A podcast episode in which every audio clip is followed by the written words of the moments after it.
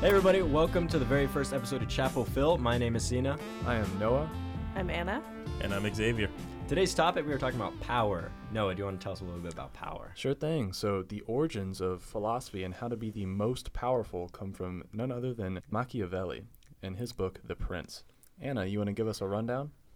Uh, sure. Xavier, you want to give us a rundown? Uh, Pass it off. Whoa. And Okay. we're already playing Uno. so, in general, The Prince is a very interesting book because a lot of people consider it to be a handbook of evil. And I don't think that's exactly right. I think it's a book about how to essentially attain and maintain power um, over a country state, whatever you may call it. Um, it's very interesting because he uses a lot of, you know, a lot of scenarios to describe things such as you have to learn how to be a fox and a lion, right? So you have to be cunning when you can't use force, and you have to use force when you can't be cunning. So it's a very interesting book, and all throughout are there little references from the from the past that um kind of essentially display that being morally virtuous doesn't exactly lead to a good rule. Um, I think there's an example in here of a king who followed his word and who was morally virtuous, but eventually he was tortured to death. Um, so that's really interesting. But basically, we're going to apply some of these ideals and things, and essentially kind of add in little sprinkles of Machiavelli throughout certain parts of history, certain things that we're looking at now. So, what do you have for us, Sina? Sure. So our our like topic we're going to be talking about in the current events is going to be Russia and like broadly what they're doing to like the global environment. Um, but first, I do want to get more clarification on what the difference is between the fox and the lion because, um, depending on how we define them or how Machiavelli defines them or describes them, we can like say Putin is a fox or a lion. So Well, Machiavelli would say that Putin should be both, and most likely is both, right? Um, because in in some sense, you know, Anna had a quote I think that said, "You can you can do a lot with bayonets, but you can't sit on them." So to kind of reference that, yes, ma'am, we're referencing you, but um, basically, you can use force to overpower a lot of things in life, but essentially, there's going to be some point where you know through cause and effect, right? If you steal from people, your friends that you're stealing from people with are eventually going to consider stealing from you, right? So, kind of, is power always going to be necessary in every situation? And the obvious answer is no. Sometimes diplomacy helps. I mean, sometimes deception helps. And so that's where the fox comes in. So, imagine a fox is just being a little bit more sly and cunning or um, not exactly always at the negative connotation. Sometimes, you know, I don't think manipulation in itself is always bad. I think the ends sometimes do justify the means, but essentially Machiavelli states that you have to be willing to manipulate and do things that aren't always strictly related to fighting in a war to overpower someone. So that's kind of a little bit more clarification on that. Mm, that's a definitely a good summary of Machiavelli's ideas. But do we think, uh, given the rise of all these global networks like NATO, you have these transnational advocacy networks, um, and all these democracies really spreading, do his rules still apply today? And if so, do they apply better to autocratic or democratic governments? What do we think? so I'd like to interject super quickly and just uh, identify uh, that Machiavelli, um, in addition to uh, Thrasymachus in um, Big T. Big T in um, Plato's Republic, um, have this very pessimistic view of humanity that's absolutely reflected in how they see power dynamics and um, how they believe that society should be structured and how people should lead and wield their power. Um, and so I think for the purposes of this uh, discussion, we probably should just go ahead and stick with that assumption that people are basically um, bad, which is like going to be an interesting take So- for this because, um, you know, Let's flesh this out. Like, why are people bad? In what scenario? Because Noah, we all love watching gladiators fight to the death. That's Ah. why it's it's. So um, leaders are gladiators fighting to the death? I'm just trying to clarify. no, poor people are the gladiators, bro. Ah, anyway, right. no, no, no, no, for real. Uh, I don't think everyone is inherently bad. I think that's too much of an assumption to make. Maybe it's me having too much faith in people, but just to assume that like everybody's bad, I don't even think Machiavelli thought everyone was bad because in, from the the way I read The Prince, it was like you gotta know when to be perceived as strong and when to be perceived as weak, and too much of either is not beneficial to you. And it w- isn't really a, a question of like being good or bad. It's like how to be succeed as a monarch or as a ruler, and like you gotta just it's the way how you're perceived pretty much. I resonate with that as well. I think it's a lot of people's self-interest rather than acting immorally or morally.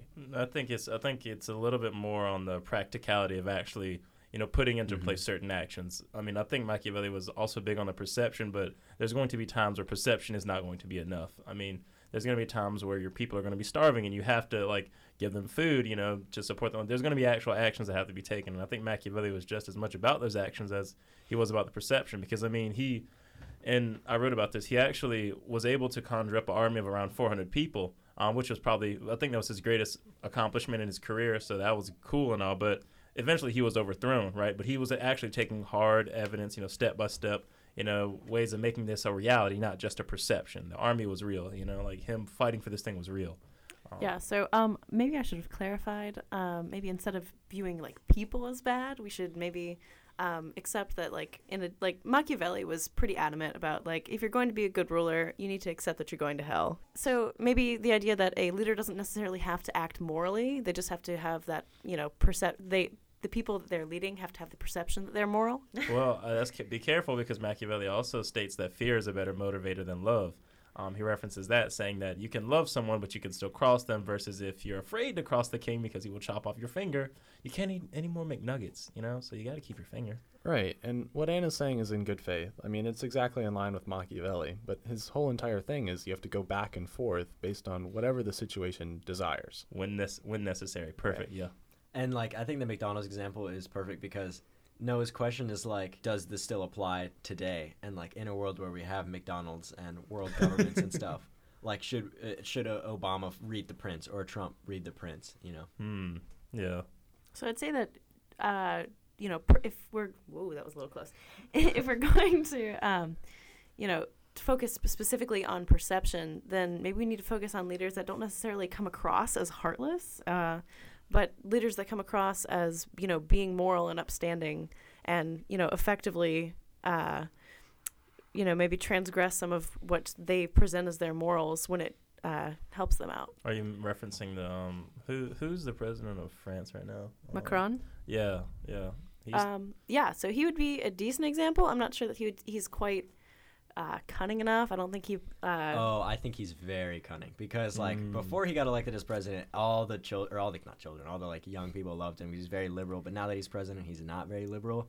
He's like a very smart guy, and he might follow Machiavelli as in like, you know, he, he got perceived as like almost like Bernie was, and then, then now he's more conservative. So I would actually disagree with that. He was he was uh, perceived as fairly centrist, and I think he's kind of followed through with that. So I'm not sure that he his perception has changed. I think it's more just that he was compared to Le Pen, who was like absolutely super far right, uh, very nationalistic. Um, so I think maybe he came across as more leftist and a little bit more, you know, Bernie-esque because he was uh, compared to such a far-right leader.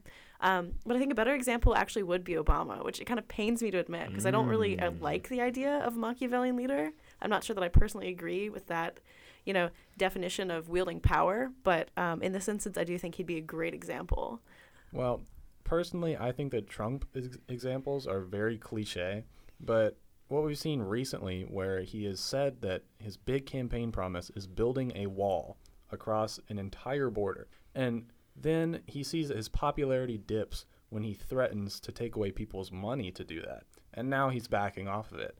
That's a good example of completely shifting your morals regarding a promise that you've made.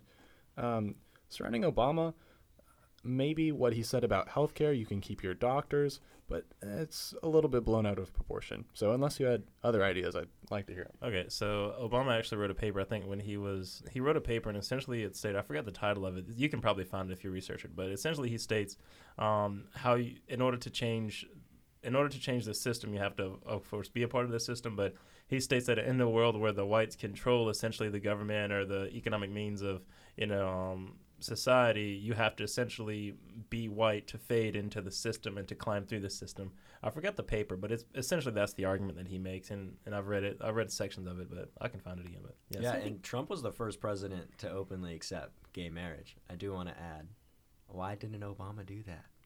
Hmm. Was it perception? Why did Trump do that? Was So it Obama actually did. There are a lot of like very well publicized pictures of him, uh, although not with words, but like he's running around the White House with Biden with a rainbow flag. That's well, he, pretty tipped, he tiptoed clear around. endorsement. He tiptoed around when it wasn't really Yeah. going into courts. He was kind of like Yeah, 2008 was a very different time. Definitely, but then afterward, he was very like, "Oh, like yeah. my uh, opinions on this have evolved, my views have changed." Ah, um, so he definitely, yes, so he definitely did um, change to fit the populace's opinions. But I think another great example of him being Machiavellian would be the difference in rhetoric um, when he was talking about domestic issues versus foreign issues, because um, like uh, oft cited, Mm. like the various um, drone strikes that went on.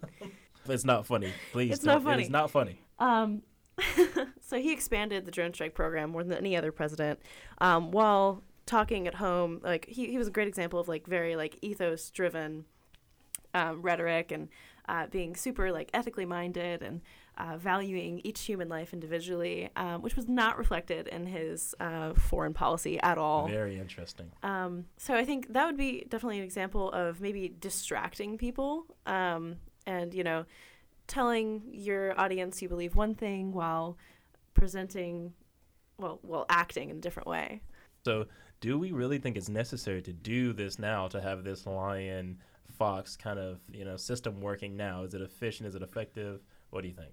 I really think it depends on the worldview that you have in relation to international politics. Because if you're a realist and you believe, for example, that the world is all about countries dominating one another, then yes, leaders will do whatever they can to remain in power.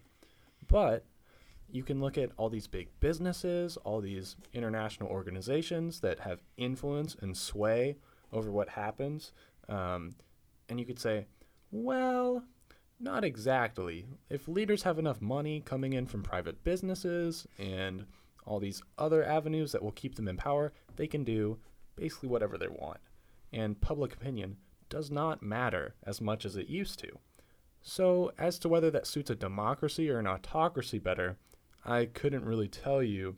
Um, but I do think there's a lot of interpretation between non governmental actors and what is the public. Because in Machiavelli's time, it was the public that would come and hang you.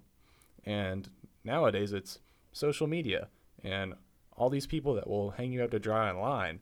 But it still may not directly reduce your power if you have enough money. So you think accountability is diminished over time? It does absolutely scare me that the president can say, "I don't care about telling people the truth." Like that, isn't that something that's kind of strange? I mean, people lie all the time, so that essentially is like saying, "I don't care." But I guess it's just different just to hear it come from the lips directly. Yeah. Who knows? Or like declare a national emergency and then say, I didn't have to do this. but I'm doing it anyway. That's what he's doing for power. Yeah. I think it's also just a difference in priorities that predominantly affects how people are going to accept or reject leaders. Um, if you prioritize truth, then that's going to be the number one thing that you hold your uh, politicians accountable for. But I don't think that that's prioritized anymore. And it's more of an Mm. issue of, well, are you going to reflect my policies and are you going to fight for me? Versus, or at least give me the perception that you're going to fight for me, or are you going to tell me the truth and act best uh, how you see fit?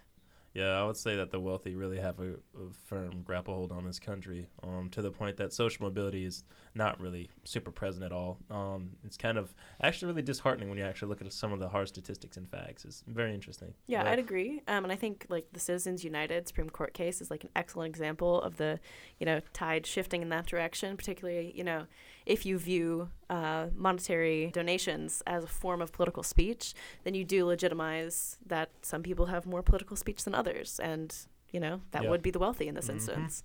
Right. So just to clarify, because not everyone understands what Citizens United is, but it's this large Supreme Court case um, that basically uh, said campaign finance laws should be broadened uh, so that these com- these companies and corporations can dump as much money as they want into whatever candidate they decide to back. Yeah, so it's also it it loosens restrictions on soft money, um, which is different from hard money in uh, like campaign finance law, where hard money is specifically attached to a person's name. It is limited to certain amounts.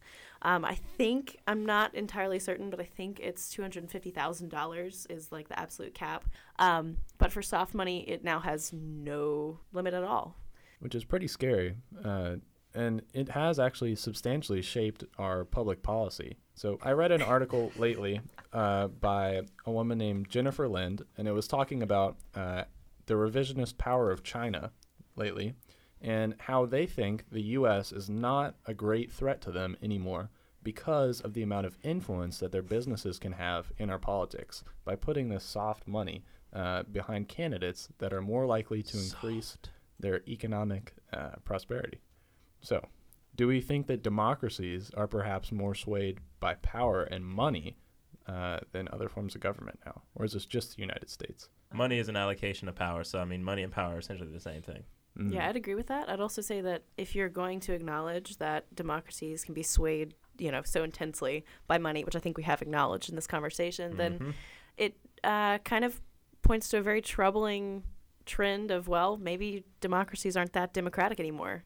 Maybe they're transitioning more into oligarchies or, you know, a different political system. Yeah, and it's funny that like all these places that aren't democracies that like try to claim they are, like uh, like the Democratic Republic of like whatever country, even though they're obviously not democratic. Of the Congo, of North Korea. Like we'll Russia- have to save that for another episode. Like Russia says they have like elections, but like do they? Like Iran claims No. that Do they? they, Iran claims that they have presidential elections, and I was there for one one year where like they finally were gonna get Ahmadinejad out, but like no, he got ninety percent of the vote. Like that's a real Amazing. Yeah, no what way. a feat. Yeah, what a feat of democracy. Oh, let's talk about Venezuela. Venezuela. Even North Carolina with like uh what county is it? Benson or uh, Bladen County like stuffing the ballot box. They caught that guy, that one guy that's been doing it. Yeah, well, there's also the issue of gerrymandering, which is Yeah. just. I mean, this is kind of becoming an episode about like the erosion of It's democracy. comical. no, but that's the, that's the exercise of power that Yeah. like a, uh, a majority assembly has. Like when they're in the General Assembly, like when Republicans have a majority or Democrats, they gerrymander, and that's just like an exercise of power to keep themselves in power. Absolutely. And what's much more troubling is that we don't change it. Like it our in North Carolina, our uh, districts have been declared uh, unconstitutionally gerrymandered, and we still use them for Yeah. the 2018 elections, which is crazy to me.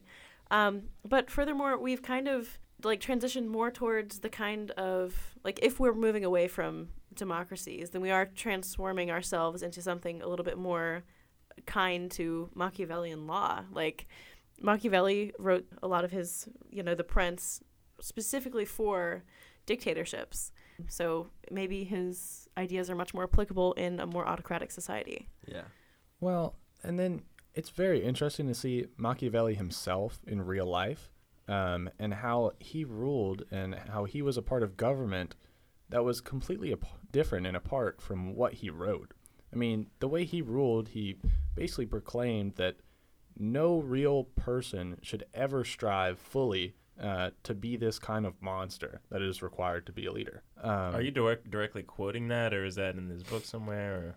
No. Um, Because he states out of necessity. Um, but he's recently, from what I see, it's if you're going to pursue this sort of thing, you have to be willing to be evil when the necessity, when time calls for it. Um, and that is just the the certain cost. Yeah, when I read it, it read like satire to me. Like it's impossible to be a, a proper successful prince because you got to be good and bad and like evil and, and benevolent and all this stuff. And it just it just read like satire to me. I think it's interesting that you viewed it as satire because I viewed it more. I mean, he was a little bit. He seemed a little bit of a zealot, but I don't think that he was trying to point out some inherent flaw in power. I think it was more a commentary on well, it's super difficult to wield power effectively. Yeah, I think that's true. Um, it is very difficult because I mean, inevitably you get into this power struggle, right? So if you know, I often tell people, explain it to people like this: if there's a guy and he's coming at you with a stick or a baseball bat, right, and you have nothing, I mean, you may be able to get something out, but it'd probably be better if you had a bigger stick, right? But if a guy's coming at you with a shotgun, right, unless you have something even more powerful or just as powerful, it's gonna be kind of hard to beat, dude. So you know, you- you're gonna have to ante up the power, right? Anywho, th- that's the inevitable point is that if these if he's coming to cause you harm, he's not just going to come by himself. It's it's going to be as in, unequal as it can be because it's going to increase his chances as much as it can. So you have to inevitably ante up. So that's just the nature of the beast. Mm-hmm.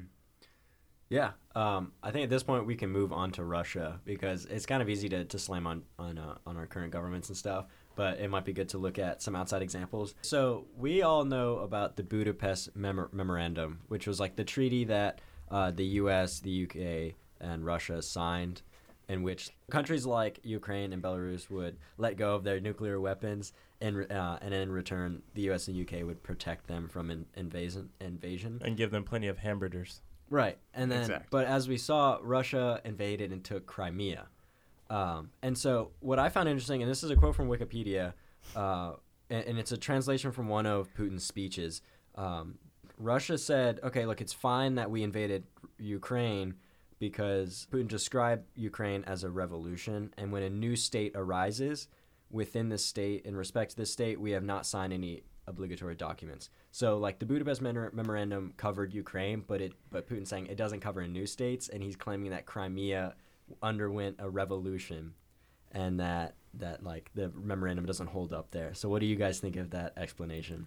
So I think that's obviously like some just like political maneuvering. I don't think that's actually. Uh, I, I think it's a misrepresentation of the issue, um, and it fails to acknowledge that the United States absolutely did have an obligation to the United States and um, Britain um, had an obligation to protect the Ukraine. Uh, they entered a treaty that they are no longer fulfilling, which is incredibly Machiavellian. We're saying, well, yes, we, we did make this treaty. However, it's definitely not in our interest to, um, you know, agree, like to follow through with that now, um, because we could start World War Three. Like that's not an exaggeration. Um, Russia and uh, uh, probably China and a few of uh, the other countries that are not so friendly with uh, America and Great Britain right now um, would absolutely respond accordingly if the United States sent troops to defend the border of Crimea. And It's absolutely it? not worth it. Exactly. Yes. It's just not worth it for us. And it's not like we're going to face any real consequences besides maybe other countries refusing to enter into any treaties with us because they say, well, uh, you don't honor your treaties, so there's no reason for us to believe that you're going to follow through with them. Hmm. Also, I want to sprinkle in just a little bit. This will help everyone kind of understand Machiavelli a little bit more. Machiavelli, um, his early schooling was essentially based in in things that were very um, animalistic in nature. So, um, without getting too into detail, he would look at essentially. I think nature was a huge part of his education. So he kind of looked at you know animals killing each other, what eats what, right? Like how how valuable is life? Is life really precious at all? Objectively, does it matter? Does it not matter? And and he kind of come to the conclusion that you know objects are or individuals and things are just going to naturally defect to whatever is in the most benefit of them most of the time, right? Like, you know, the frog is cute and all, but I'm hungry, so I'm going to eat it, right? So that's just the reality. And the, the reality you're saying here is the United States saying, well, look, Crimea, man, there may be a few things there financially that are of interest. Man, maybe the sea, you know, access to it may give you some Navy advantage or whatever, right? Um, but but really, is it worth it for us? Probably not. So we're just gonna leave that alone. You know, it's very it's very, I guess you can say cutthroat, but it's it's interesting. But what about the symbols of power? I mean, the United States went to war in Vietnam over rollback, uh, a policy that they later rolled back on, of really just stopping the spread of communism. If power was so much a symbol back then, how can you say that that's changed now and that power is just what is in the best interest of one person at one time because that's nature? Why is Crimea any less valuable than Vietnam as a symbol right now in the world? How is letting the US and the UK and this liberal international world order falter to Russia and their advances in Crimea and the Ukraine any different? I don't know enough about the Vietnam War specifically to kind of compare it side by side, but if we're talking about a, a show of power essentially, or who's going to ante up when the time comes for it, um, I think that power really hasn't changed. I don't think power ever really inevitably changes. Um, I think that the nature of the systems we're working with have and always will be the same. I think the only difference is the players that are involved. I mean, and essentially, Anna made a good point, which is what do we prioritize as a society or as a group of individuals? Do we prioritize being honest and following through with our words, or do we prioritize the consequences of that more? Which one do we weigh more heavily? I mean, Yeah. So um, I'd also respond to your question by saying, well, maybe we've learned from our mistakes. Um, yeah, think that was a that was a big mistake. yeah, following through um, with some of our promises has not served us well in the past, um, especially in Vietnam. That's literally uh, one of the reasons we now have an all-volunteer force, which can be viewed as good or bad depending on, um, you know, which aspects of history you look at. Right. But um, it's weakened. It's part of uh, one of the main reasons uh, the United States citizens no longer trust its government. Um, that led to a massive, uh, you know, if we're t- looking at it in terms of power, that led to the weakening of the United States. Um, also, we've made this mistake again and again. Every time that we try and enforce democracy, be it in Vietnam, in you know, or, or you Iran, know, in, in Iran, exactly, um, Egypt. and in Just you kidding. know, in the United States. in our invasion of Iraq, uh, we tend to really regret it. It weakens us. It cost us tons of money, and it's not Mhm. sustainable. Um, and you can argue about whether or not it's worth it for us to maintain our status as like, uh, you know, the policeman of the world. But um, I think in this instance, we just determined, all right, we we can't do this anymore. We don't have the funds. We don't have the you know uh, wealth of power to do it again. Yeah, and so I'm not a consequentialist at all, but I do want to talk a little bit about the consequences of what happened in Ukraine. So since 2014, uh, and this is a report from the United Nations Department of Development Program or United Nations Development Program. So since 2014 in in Ukraine, specific, specifically like Crimea, 1.5 million people have been internally displaced. 3,300 men, women, and children have been killed, and 9,000 have been injured. And so when we look at these like figures, does that put any more pressure on the U.S. or the UK to, to help out? I think it only puts as much pressure as we're willing to uh, make visible. Because really, where's the pressure going to come from? Is it going to come from the UN Security Council? Mm, probably not, because most of the voices on there should be acting, but they don't really want to, so they won't really vocalize actually what's going on there.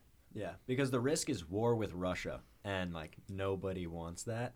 So, and so how genius is this a move by Putin? Yeah, he's getting away with all of this stuff, and, and it's Putin, working because like uh, what we saw in the news, and Xavier and I were looking at this earlier, is that Belarus is now wanting to reunite with Russia which is crazy. The like Soviet reunion is actually happening. The Soviet reunion. I love it, but like just for the wordplay. Yeah, like the president said, and I quote: "The two of us could unite tomorrow, comma, no problem."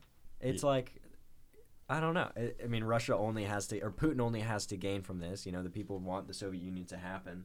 But yeah, and and the, and the president of Belarus only wants to happen because the, the older people are like, yeah, we love Russia. I think Putin is a great example of a Machiavellian leader. Um, Putin, if you look at his childhood, I'm reading about it. His great his grandfather was in the war, and his grandfather almost died, but he eventually made it out.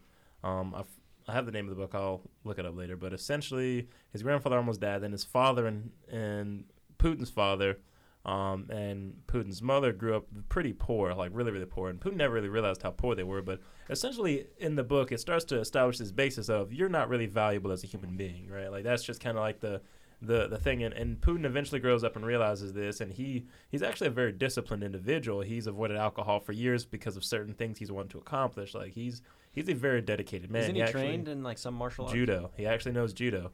Um, he, and then there's videos on YouTube. You can look it up. He's well, a he very, was an agent of the Secret Service. Yeah, so. but but still, his discipline has been there for a long time, and and I think he understands the value of life, much like Machiavelli does, right?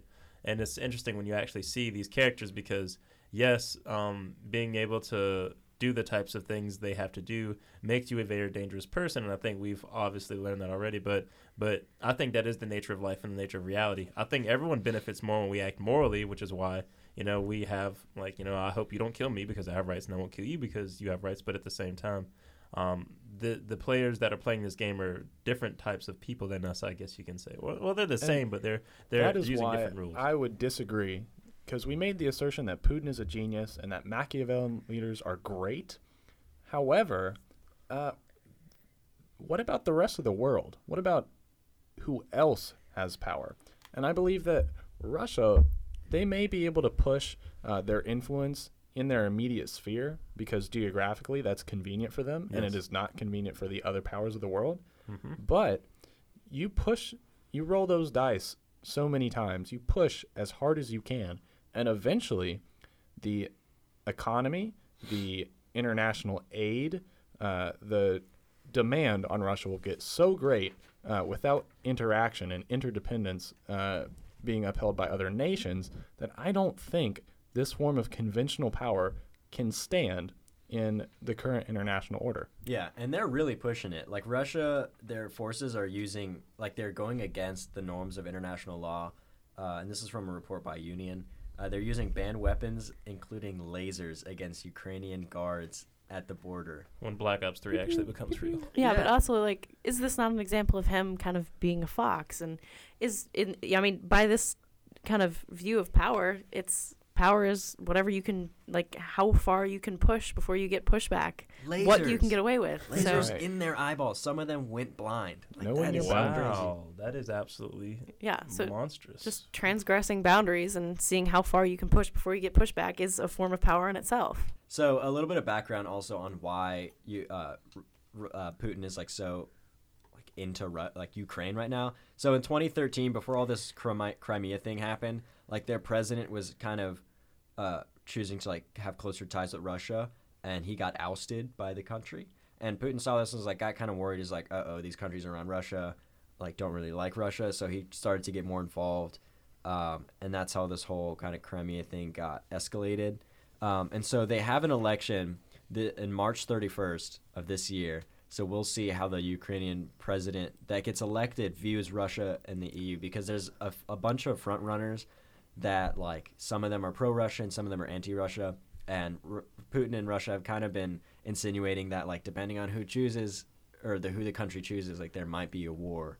So, the, like March 31st is going to be a very interesting day because that's the first round of elections. Well, I think before we view that as like a like a turning point for the country, we should also keep in mind that Russia has never had any issues with intervening in other countries' elections before, uh, As the United including States. the United States. Exactly. So I don't think that that's going to be an accurate like tally of how the government of Crimea and how the people of Crimea feel. Um, if I were Putin, the very first thing I would do would be to start interfering with, uh, you know, whatever means necessary, fake news, propaganda, however you want to call it, um, and ensure that that election turns out in my favor. Yeah, and uh, from the from a similar article from UNIAN, it says the president noted that quote Russia is trying to interfere in our elections in the same way as it did during the elections in the USA, France, Germany, during the referendums in Britain and the Netherlands. And now they're planning to use these technologies in Ukraine because their motivation is much stronger, and Ukrainians will not allow that. So the current Ukrainian president is not really cool with uh, Putin and all that. So yeah, we'll we'll definitely see. Yeah, I think this is a great example of using power um, and hollow threats, really. If you want to strike fear into the heart of voters in this country you wish to influence, tell them you're going to destroy their country if they're going to vote for this one person. Um, and realistically, the likelihood that Russia goes to war and is willing to risk getting blown to smithereens by the rest of the world, this kind of first strike capability threat, uh, is not really something that they're probably going to uphold. So the power really lies in the threat. Yeah, absolutely. Because I mean, what does Russia have to lose from like nuking the shit out of Ukraine? Well, they could get nuked back. Not by Ukraine. Would they? That is a honest, Would- good question. I and it- mean, like I, we keep bringing up Trump, and like you know, there's questions about who he's influenced by, like whether it's actually Russia or not. But like, how much is he gonna let? eh, Like, how much could he potentially let Russia move on to? I don't think Ukraine? Trump has a real agenda focusing on anything that's really substantially important. I mean, let's look at climate change, right? Like, come on, come on. Like, Well, I also think that the uh, the idea of a nuclear holocaust in general, like that would arise from us potentially nuking Exactly. Russia back, is highly unlikely. Nobody wants to use nuclear weapons unless they absolutely have to. We use the threat of them instead. But Trump So- is increasing funding for it, right? Didn't he like want to right, reestablish? he's pulled out of deals. I would like to Wow. state one thing: in a race where someone follows the rules and another person doesn't follow the rules, and you cut corners because you're a cheater, will that inevitably mean that you will win every time? Ah, the classic tortoise and the hare. Hmm. no, more just like Machiavelli's view in general. He believes that cheating is absolutely the best means of success, and as long as no one catches you in it. Well, yeah, if you can get away with it, and yeah. Well, I don't think Yeah, absolutely. I don't think he. I don't think that's exactly analogous to what he says. I think he says, I mean, well, in some ways, yes, you're right, but in other ways, no. Um, So I did have uh, one philosophical question that I did want to ask. So we've talked about power, and it seems like we none of us really like power. Uh, but can Oh, society? we like it. Oh, We just Oh. don't want Oh. everyone else to think that we like it. Yeah. Because obviously That's that our would be a ulterior problem, right? motives. I see. So can society function without power? No. Anytime there's any kind of power vacuum, you see uh, chaos. You need a strong leader and you need a strong government. As much as we don't like to admit it because we like our individual freedoms, you're not going to have like peace without it. I now, you could argue that you're going to have a different kind of violence, uh, you know, enacted upon you by the state. But in the idea, like I'm, I'm going very Rawlsian here. Um, yeah, you need strong government. See, I think there's a whole there's a whole ideology based behind having a minimal state and allowing the government to have the least amount of power over people. But power will always exist, no matter whether it's in the corporate executives, whether it's in the social activists, whether it's in person with who has the most money. uh, but power is intrinsic to a community of people that come together. Yeah, and that's a very rational conclusion to come to from our conversation. It's like, yeah, power is bad, so we should try to keep it as minimal as possible. But then, like, outside of this conversation, we advocate for like a lot more government inclusion in our lives. So that's definitely interesting. I think Machiavelli would say if you want to look at can we have a society without a solid form of concise power, he would say no because he would use animals as an example. And in in in dog packs, for example, you have an alpha male and an alpha female, and they inevitably control the pack and the decisions and actions that the packs take. Right? Lion pride, same kind of thing. Right? You kind of have a dominance, just dominance just over the entire collective group because without that inevitably what you would get is you would get a situation where you get a bunch of bears bears are just going to fight for mating rights individually it's just going to be on an individual basis so you're right power will always be around I hear that Putin has a lot of bears in Russia. you know, That that's Putin probably. likes to be dominant. oh my! i thought you were going to say putin likes to be dominated i was about to say this is going to take a very interesting I think we can sum this up in six nice words. Power doesn't care about your feelings. i can sum it up in four every villain is lemons there you go Thank you, Ben that. Shapiro. Well, we hope you've enjoyed this discussion on power and different leaders and how effective they are, what really matters towards becoming an effective leader in terms of Machiavelli. I'm Cena. I'm Noah. I'm Anna, and i'm xavier and this has been Chapel Phil.